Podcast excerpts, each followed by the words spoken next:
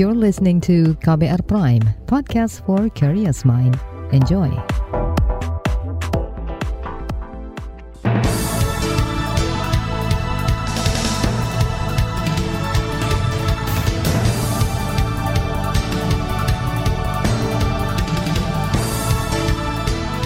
Selamat pagi saudara, senang sekali kami bisa menjumpai Anda kembali melalui program Buletin Pagi edisi Jumat 1 Juli 2022. Bersama saya Naomi Liandra, sejumlah informasi pilihan telah kami siapkan di antaranya. Polisi dikritik masih tebang pilih kasus. Di hadapan Putin, Jokowi dorong perang Rusia-Ukraina selesai. Harga Pertamax dan Pertalite di Maluku naik drastis. Inilah Buletin Pagi selengkapnya.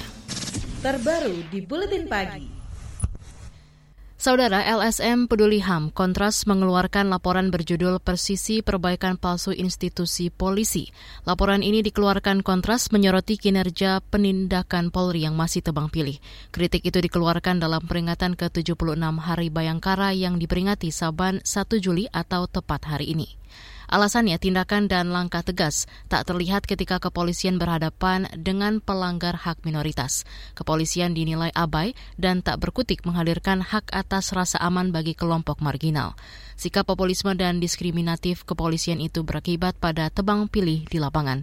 Kepala Divisi Hukum Kontras Andi Muhammad Rezaldi. Dalam beberapa kasus kekerasan atau penyiksaan misalnya, aparat kepolisian yang diduga melakukan tindak pidana tidak diproses begitu cepat atau bahkan ada yang diproses namun hanya sebatas mekanisme etik atau disiplin. Padahal tindak kekerasan merupakan kejahatan yang harus diproses melalui mekanisme peradilan pidana. Kepala Divisi Hukum Kontras Andi Muhammad Rizaldi mengungkapkan beberapa contoh kasus tebang pilih terjadi dalam dugaan penyiksaan terhadap Henry Bakari di Batam dan Syabudin di Bengkulu. Keduanya ialah korban penyiksaan aparat yang berujung kematian. Sebaliknya saat ada kasus yang melibatkan aktivis, polisi sangat cepat menetapkan tersangka. Salah satunya dalam kasus yang menimpa aktivis HAM Fatia Mawalidianti dan Haris Azhar. Keduanya dijerat hukum lantaran mengungkap konflik kepentingan pejabat publik di Papua. Sorotan atas kinerja penindakan di kepolisian sontak memunculkan tagar percuma lapor polisi, tagar Day 1 Oknum, dan tagar viral for justice. Menurut Kontras, fenomena ini ramai karena begitu banyak kasus-kasus yang tidak ditindaklanjuti atau ditolak kepolisian dengan berbagai alasan. Praktik seperti ini justru makin menjauhkan polisi dari institusi yang dapat memenuhi rasa keadilan masyarakat. Komisi Kepolisian Nasional Kompolnas meminta Polri lebih profesional dalam melakukan penindakan hukum. Anggota Kompolnas Yusuf Warshi menekankan Polri tidak menunggu kasus viral baru ditindak. Jangan no viral, no justice. Kalau sudah diviralkan, baru keadilan. Nah, oleh karena itu, dalam konteks ini, dalam rangka perayaan Hari Bayangkara, tentu optimisme untuk ke depan harus dibangun terkait dengan komitmen mewujudkan keadilan masyarakat. Di dalam konteks ini, maka tanggung jawab Kompolnas adalah mewujudkan Polri yang profesional dan mandiri. Maka profesionalitas itu yang harus ditingkatkan. Anggota Kompolnas Yusuf Warshi mendorong Polri menyeragamkan pemahaman anggota akan pentingnya penindakan hukum secara berkeadilan, sebab menurutnya ketidakberpihakan Polri pada kasus tertentu berkaitan dengan profesionalitas personel bukan kinerja institusi. Dia juga menekankan Polri untuk menghayati peraturan Kapolri Perkap tentang prinsip-prinsip HAM. Kalangan parlemen juga menyoroti aspek penindakan hukum di institusi kepolisian. Anggota Komisi Hukum DPR Taufik Basari menilai perlu ada reformasi kultur di tubuh Polri. Menurutnya kultur buruk terlihat pada tidak konsistennya instruksi pimpinan dengan kerja-kerja anggota di lapangan. Aspek itu yang menurutnya berimbas pada ramainya kritik masyarakat. Contohnya ketika sebuah kasus viral dan diketahui oleh pimpinan, barulah kemudian setelah ada perintah dari pimpinan, penanganannya bisa dilakukan secara optimal. Atau jika ada pelanggaran oleh aparat dan kemudian viral hingga diketahui oleh pimpinan, baru kemudian ada penindakan. Nah inilah yang harus diperbaiki. Menurut saya problemnya ada di kultur kepolisian yang masih belum berubah di tingkat lapangan. Tantangan terbesar dari Kapolri kita adalah mengubah kultur ini dan ini tidak mudah. Anggota Komisi Hukum DPR Taufik Basari menilai sebenarnya telah ada upaya perbaikan dari unsur pimpinan Polri, namun masih terdapat perbedaan paradigma di tingkat lapangan. Sementara itu, Mabes Polri mengklaim menerima kritikan yang disampaikan dengan tangan terbuka.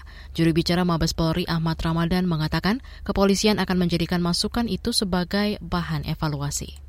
Kita akan melihat apakah itu sebuah evaluasi terhadap Polri, sebuah kritikan terhadap Polri yang tentunya kita berpikir secara positif atau positif thinking bahwa penilai ataupun siapa pun juga menginginkan bahwa Polri-nya lebih baik. Itu akan kita jadikan evaluasi, kritikan-kritikan terhadap Polri. Tentu kita akan berpikir kita akan menghilangkan ya upaya-upaya yang dilakukan katakanlah yang disebut tadi adalah kekerasan ya Juru bicara Mabes Polri Ahmad Ramadan menegaskan Polri akan menindak tegas anggotanya yang terbukti melanggar aturan. Dia juga menekankan Polri akan menegakkan hukum kepada siapa saja yang melanggar. Sebab tugas utama Polri adalah melindungi, mengayomi, dan membina masyarakat. Saudara Presiden Jokowi bertemu Presiden Rusia Vladimir Putin. Apa saja yang dibahas? Tetaplah di Buletin Pagi KBR. You're listening to KBR Pride, podcast for curious mind. Enjoy!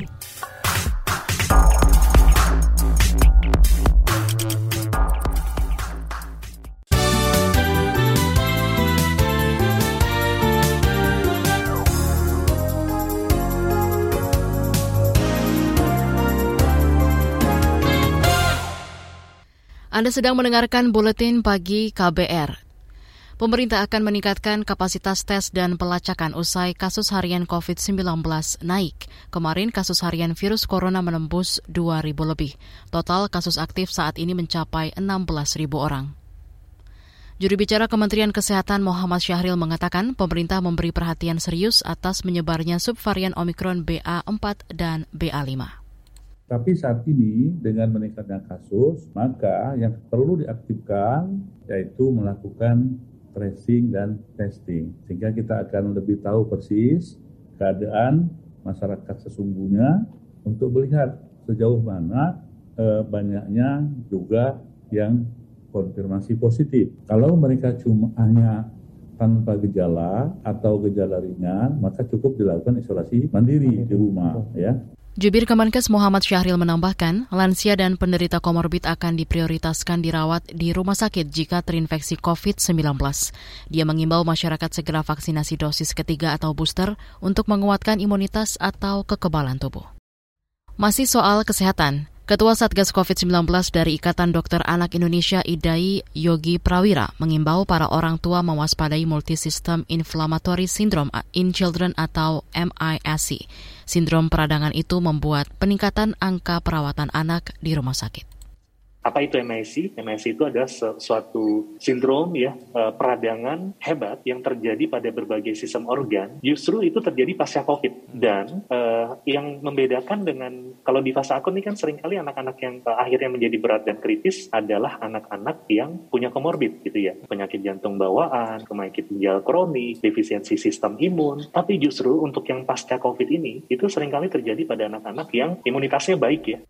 Ketua Satgas COVID-19 dari IDAI, Yogi Prawira menjelaskan sindrom peradangan multisistem ini justru mungkin muncul usai anak sembuh dari virus corona.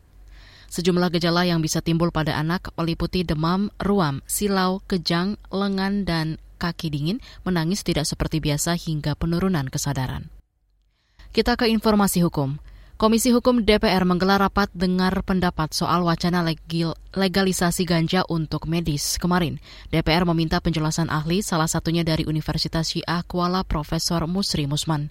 Wakil Ketua Komisi Hukum DPR Desmond Junaidi Mahesa mengatakan, penjelasan Musri bisa jadi pertimbangan aturan pelarangan ganja dikeluarkan dari Undang-Undang Narkotika. Tujuannya merubah untuk kebaikan, malah nanti mudaratnya muncul yang nggak bagus. Nah, di sinilah kehati-hatian kami, anggota DPR, dalam rangka merumuskan undang-undang narkotika, termasuk mengeluarkan ya larangan ganja di dalam peraturan yang ada. Sementara itu, anggota Komisi Hukum DPR Asrul Sani mengklaim komisinya memiliki pandangan sama terhadap urgensi legalisasi ganja untuk medis.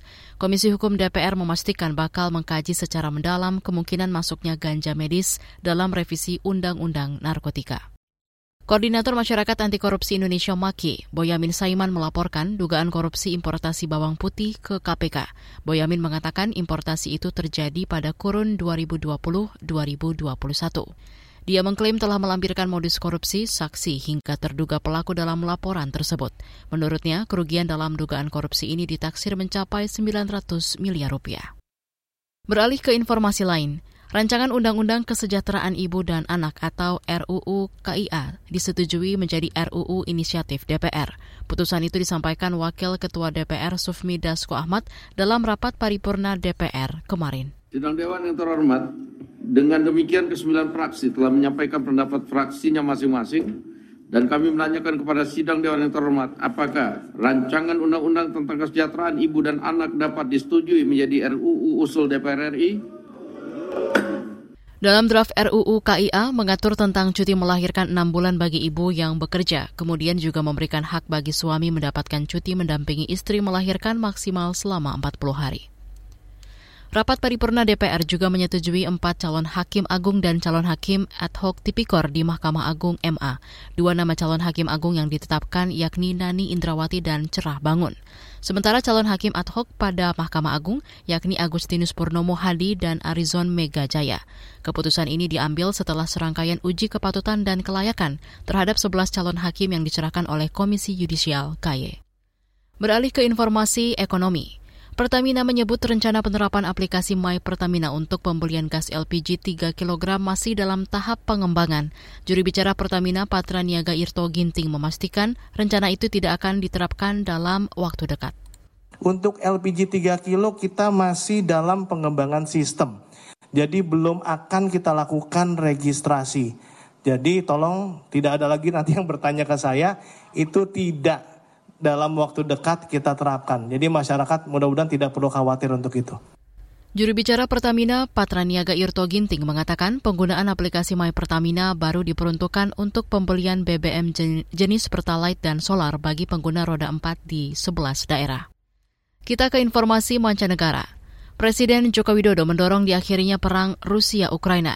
Itu disampaikan Jokowi usai bertemu langsung dengan Presiden Rusia Vladimir Putin kemarin. Presiden Jokowi menekankan isu perdamaian dan kemanusiaan menjadi prioritas politik luar negeri Indonesia. Sebagaimana yang saya sampaikan di uh, Kiev, walaupun situasi saat ini masih sangat sulit namun saya tetap menyampaikan bahwa penyelesaian damai penting untuk terus dikedepankan dan juga ruang-ruang dialog terus bisa dibuka. Saya telah menyampaikan pesan Presiden Zelensky untuk Presiden Putin dan saya sampaikan kesiapan saya untuk menjadi jembatan komunikasi antara kedua pemimpin tersebut. Kata Jokowi, konstitusi juga mengamanatkan Indonesia selalu berkontribusi bagi terciptanya perdamaian dunia. Jokowi menekankan Indonesia tidak memiliki kepentingan apa pun selain untuk menjaga rantai pasok pangan dan energi dunia. Dalam kesempatan itu, Jokowi juga mengajak para pemimpin dunia menghidupkan semangat damai dan kerjasama. Sebelum mengunjungi Putin, Jokowi telah bertemu Presiden Ukraina Volodymyr Zelensky. Ferdinand Marcos Jr. dilantik sebagai Presiden Filipina kemarin. Dia merupakan putra mendiang diktator Filipina Ferdinand Marcos. Dalam pemilu bulan lalu, dalam pemilu bulan lalu, Marcos meraih kemenangan mutlak. Para kritikus menyebut kemenangan, kemenangan ini buah upaya puluhan tahun mengubah persepsi publik tentang keluarga Marcos yang hidup mewah.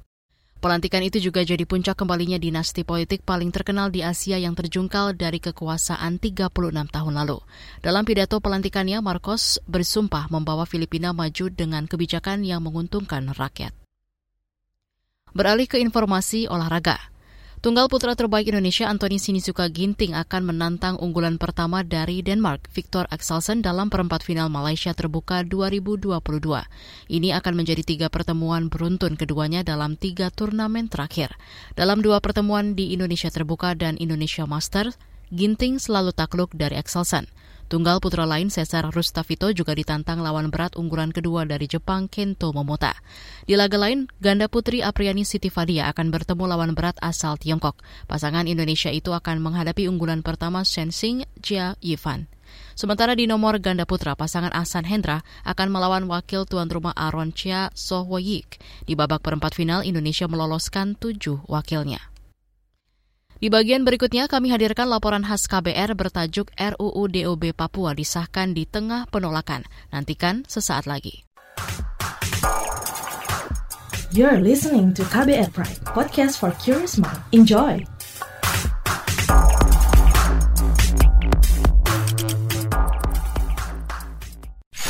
Commercial break. Commercial break.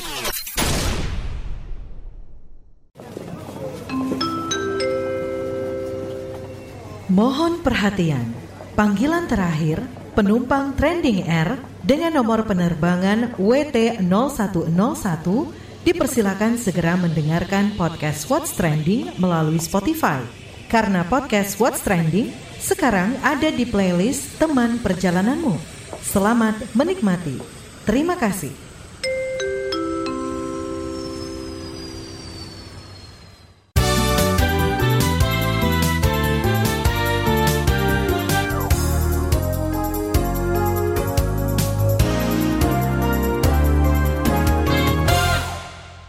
Anda masih bersama kami di Buletin Pagi KBR.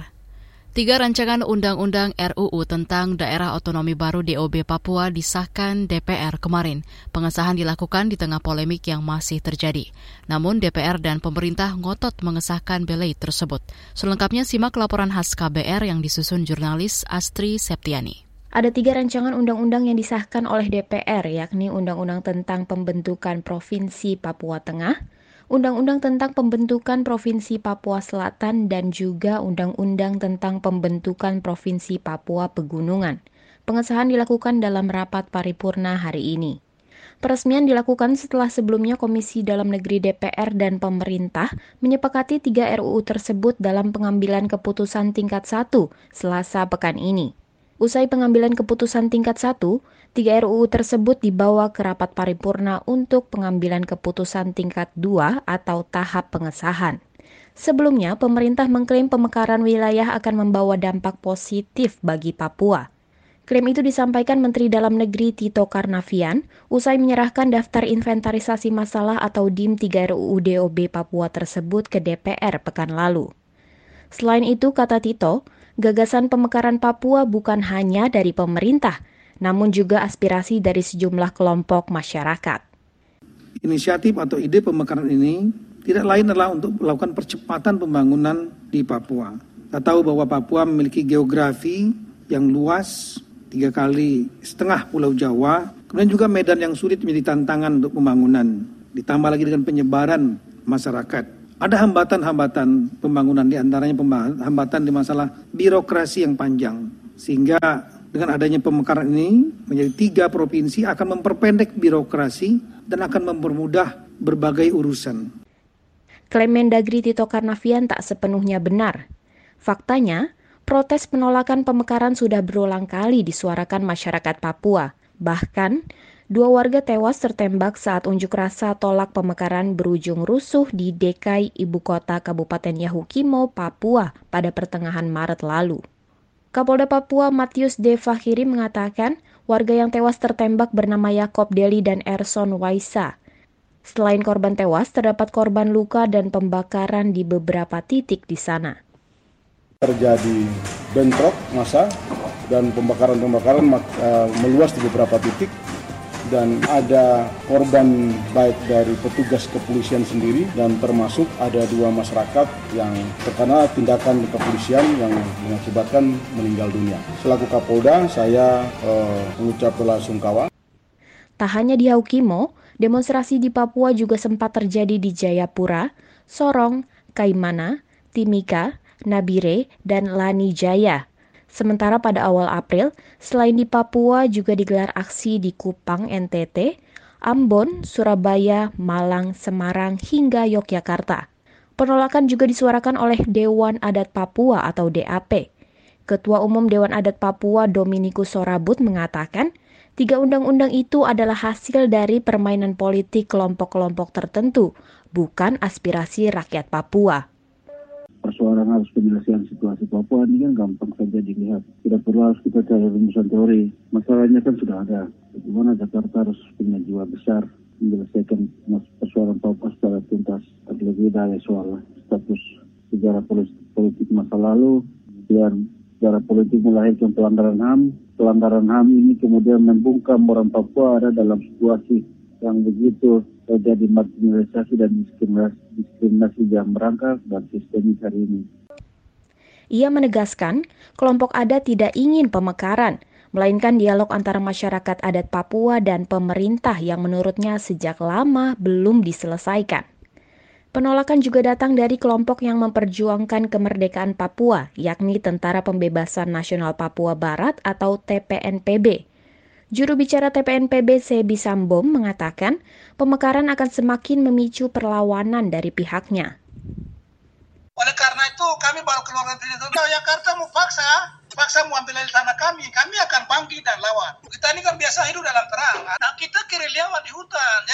Tapi kami memang susah di kompromi, aja kompromi itu masalahnya. Lagi itu kami untuk merdeka sendiri itu kita punya hak. Jadi tidak mungkin ditawar menawar. Kecuali kami duduk di meja perundingan dengan Jakarta. Oleh karena itu, menjelang pengesahan, Polda Papua telah menyiagakan ribuan brimob dan anggota polisi di sejumlah lokasi. Kapolda Papua Matius Fakhiri mengatakan, Mabes Polri telah mengirim 500 brimob Nusantara ke Papua untuk membantu pengamanan. Brimob Nusantara ini akan dibantu 800 personel Brimob Polda Papua dan anggota Polres di setiap wilayah. Ribuan personel polisi itu disiagakan di beberapa kabupaten, di antaranya Merauke, Mimika, Jaya Wijaya, dan Nabire.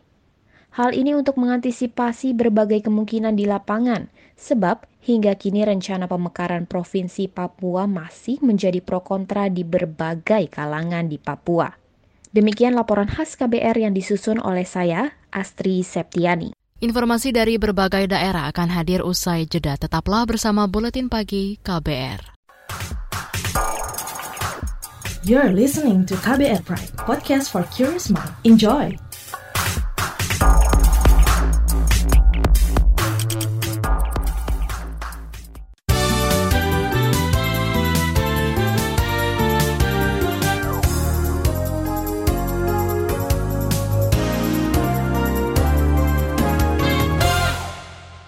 Harga BBM tingkat eceran di Pulau Seram, Kabupaten Maluku Tengah, Provinsi Maluku melonjak tinggi di atas harga yang ditetapkan Pertamina.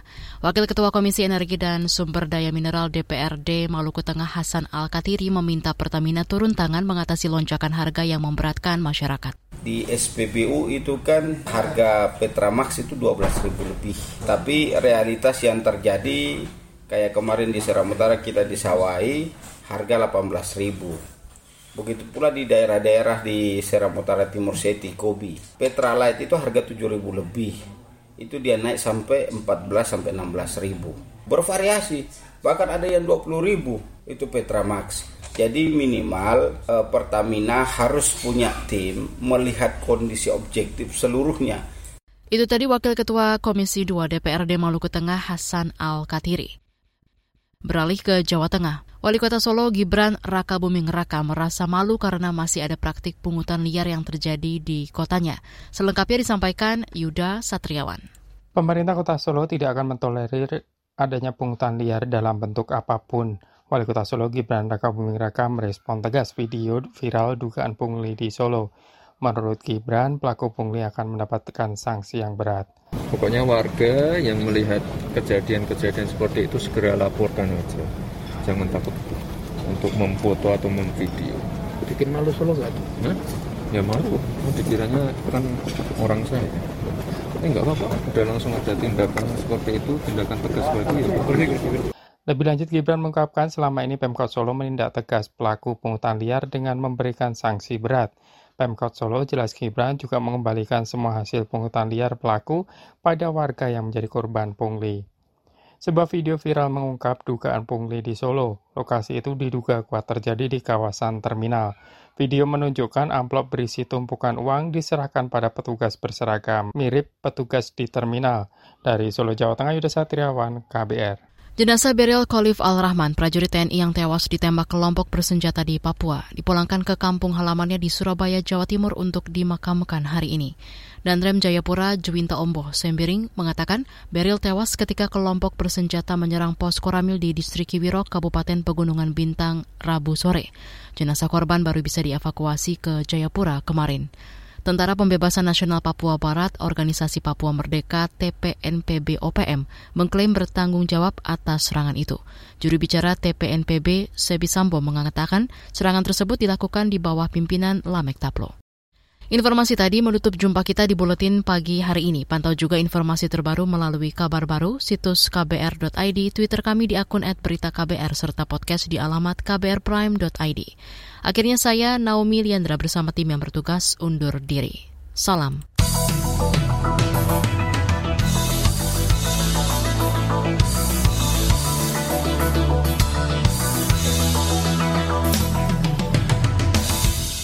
KBR Prime, cara asik mendengar berita. KBR Prime, podcast for curious mind.